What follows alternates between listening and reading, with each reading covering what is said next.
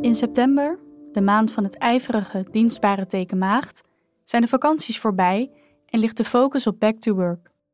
De ambitieuze planeet Saturnus staat in vissen. Planeet Mercurius in het ijverige teken maagd.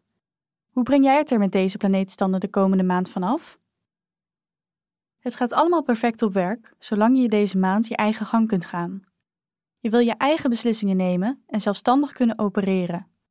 Dan ben je op je best en is er geen detail dat aan je aandacht ontsnapt. Goed nieuws dus, voor kleine zelfstandige maagden of maagden met een eigen bedrijf. Je geniet ervan snel te kunnen schakelen. En je merkt ook dat je niet bang bent om beslissingen in je eentje te nemen.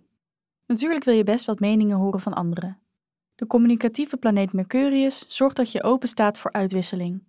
Toch laat jij je uiteindelijk niet beïnvloeden door de meningen van anderen en doe je wat jou het beste lijkt. Het kan ingewikkeld worden als je moet samenwerken. Dan kun je de ander ervaren als te autoritair, te paternalistisch. Je hebt behoefte aan iemand die op gelijke voet staat, niet aan iemand die boven je probeert te staan.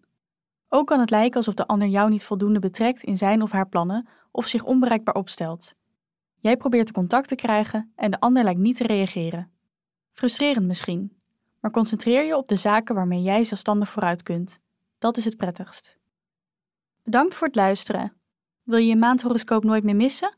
Vergeet dan niet om je te abonneren op ons kanaal. Liefs, happiness.